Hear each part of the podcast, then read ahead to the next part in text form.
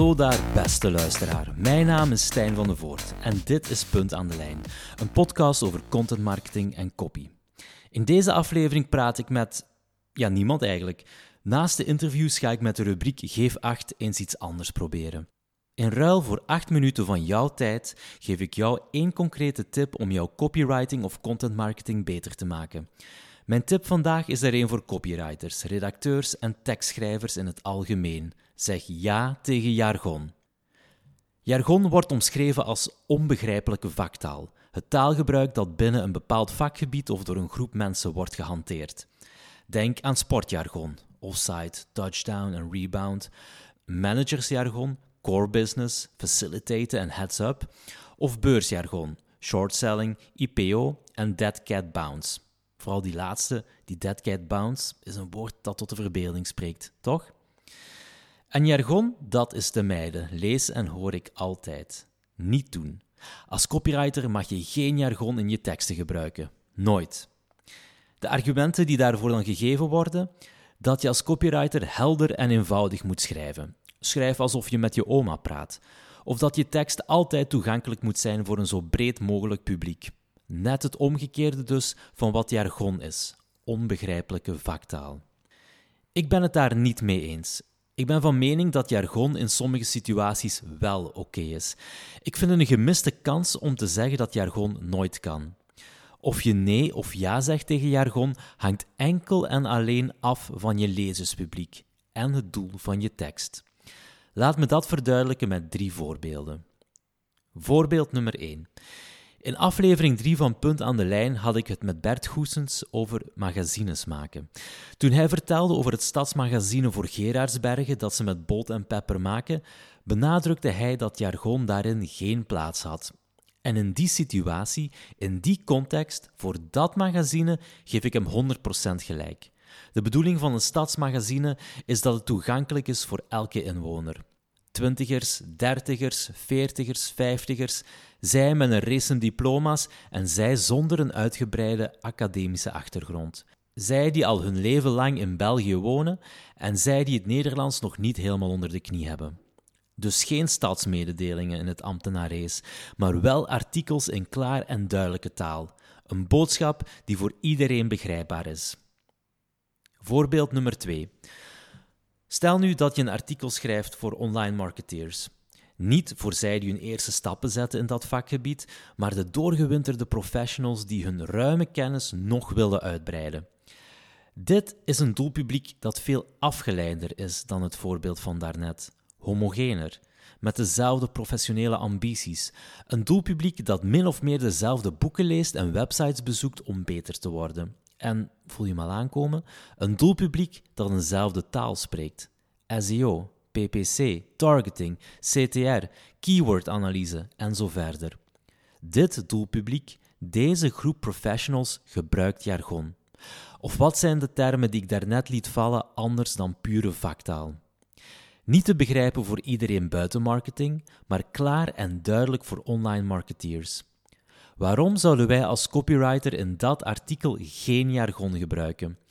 In deze context ja zeggen tegen jargon heeft volgens mij meer voor- dan nadelen. Jouw lezer weet perfect dat CTR voor click-through rate staat. En wat click-through rate precies betekent.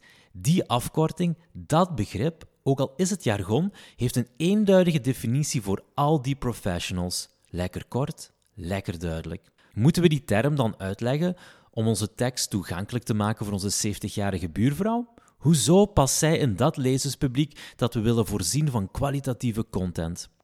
Die term uitleggen in dat artikel gaat volgens mij zelfs een averechts effect hebben. Die online marketeer die CTR elke ochtend tussen zijn of haar boterhammen legt, gaat misschien denken dat jouw artikel toch wat te basic gaat zijn voor hem of haar. Jij belooft diepgravende content over online marketing en nu ga je uitleggen waarvoor de afkorting CTR staat en waarom dat een belangrijk percentage is in online marketing. Dat is echt raar. En nog een laatste voordeel van in deze situatie ja te zeggen tegen jargon. Je selecteert binnen je lezerspubliek. Beginnende online marketeers die de helft van het jargon in je artikel niet begrijpen, die misschien zelfs niet doorhebben wat er in de titel staat, Prima.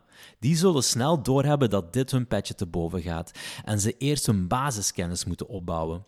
Maar daar bestaan andere resources voor. Jij, jij schrijft voor die ervaren professionals, niet voor die beginners.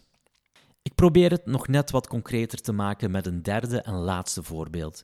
Van een van de bedrijven waarvoor ik werk, een machinespecialist. Zij ontwerpen, bouwen, onderhouden en upgraden machines. Dat doen ze voor bedrijven die hun processen of een deel van die processen willen automatiseren. Ik kreeg de kans om een workshop bij te wonen over de renovatie van bestaande machines. De deelnemers waren allemaal één voor één het lezerspubliek waarvoor ik artikels schrijf voor die klant. CTO's, Technical Maintenance Managers, Process Engineers. En de voertaal onderling tijdens die workshop? Jargon. Spare part management, obsolete componenten, PLC, lead plan, knowledge transfer, retrofit. En retrofit is trouwens jargonees voor renovatie. Een machine retrofit is een bestaande machine ombouwen zodat ze voldoet aan de standaard van vandaag. Niemand aan tafel had het daar over zijn machine te renoveren. Dus wat gebruik ik dan in mijn tekst? Toch machine-renovatie? Omdat er meer mensen zijn die dat woord zouden snappen? Of retrofit, het woord dat het doelpubliek van mijn klant gebruikt, dat hen herkenbaar in de oren klinkt. Ja, zeker en vast dat laatste.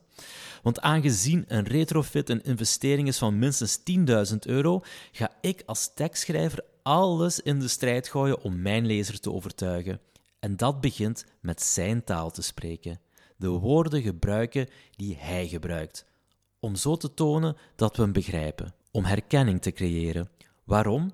Waarom zou ik het risico lopen dat ook maar één lezer denkt: hey, machine renoveren? Dat klinkt raar. Weten die jongens wel waar ze het over hebben?